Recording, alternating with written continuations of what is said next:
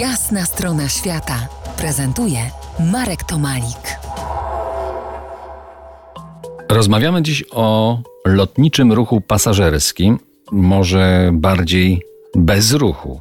Po jasnej stronie świata agent lotniczy Henryk Juchnik. Henry, jak wyglądają tak zwane środki bezpieczeństwa w samolotach i na lotniskach? Linie lotnicze prześcigają się w reklamowaniu swojej sterylności w samolotach. Często można usłyszeć, że na pokładach samolotów jest bardziej sterylnie niż w salach operacyjnych. Mówią A czy jest to prawda? Ja nie jestem w stanie tego stwierdzić, gdyż nie jestem specjalistą od sterylności e, pomieszczeń. Wydaje mi się, że w samolocie oni tutaj e, mówią, często przedstawiają, że jest tak filtracja powietrza pionowa, która filtruje powietrze i nie roznosi to po całym pokładzie.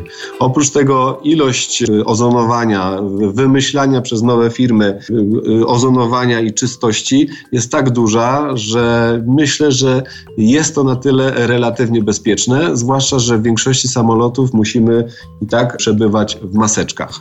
No właśnie, są specjalne, co linia to ma swoje wymagania i trzeba się wcześniej dowiedzieć, jaki typ tej maseczki musimy się zaopatrzyć. Są linie lotnicze, które e, jakby te warunki ciągle zmieniają. To też jest temat dynamiczny. Ostatnio jedna duża linia lotnicza w Europie zabroniła noszenia maseczek e, materiałowych, dała określone warunki, jakiego typu maseczki i e, kto jest ewentualnie zwolniony. No to już wygląda bardzo wszystko skomplikowanie, ale jeszcze większy ferment y, panuje w testach. Opowiedz y, o warunkach, jakie trzeba spełnić, aby wejść na pokład samolotu. No już na czekinie już mają wytyczne, jakie warunki musi spełnić podróżujący.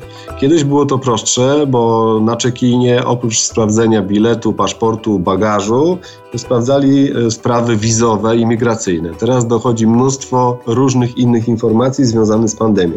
Czyli zatem odprawa w ogóle trwa dłużej? Odprawa trwa dłużej. Niestety dużo jest zamieszania, gdyż ilość zmian w testach, rodzajów testów i ilość godzin przed wylotem na wykonanie tych testów jest tak różna w różnych liniach lotniczych, no, że na pewno są zawirowania i dobrze pilotować do samego końca warunki, e, które daje linia lotnicza i warunki, które daje kraj docelowy, jak i tranzytowy. A powiedz, co z ozdrowieńcami, co z zaszczepionymi? No, na dzień dzisiejszy jeszcze przepisy nie nadążają e, za warunkami dotyczącymi podróży zaszczepionych i ozdrowieńców. Myślę, że pierwszym krajem, który cokolwiek zrobił w tym temacie, to jest Islandia, która e, oficjalnie powiedziała, że będzie wpuszczał do kraju e, osoby, które są już w pełni zaszczepione, czyli mają zaświadczenie w języku angielskim o zaszczepieniu, czyli nie będą musieli wykonywać testów jak i ozdrowieńców, czyli, a tu jest też dokładny przepis, że musi być świadectwo w języku angielskim, że miało się test dodatni, było się chorym i już się wyzdrowiało i to ma być do 6 miesięcy. No i takie coś dała Islandia. Myślę, że niektóre inne kraje pójdą za tym y, przykładem. To wszystko wydaje się bardzo, bardzo skomplikowane. Panuje wielka niepewność i daleko do standardów sprzed dwóch lat. Do rozmowy wrócimy za kilkanaście minut. To jest jasna strona świata w RMS Classic.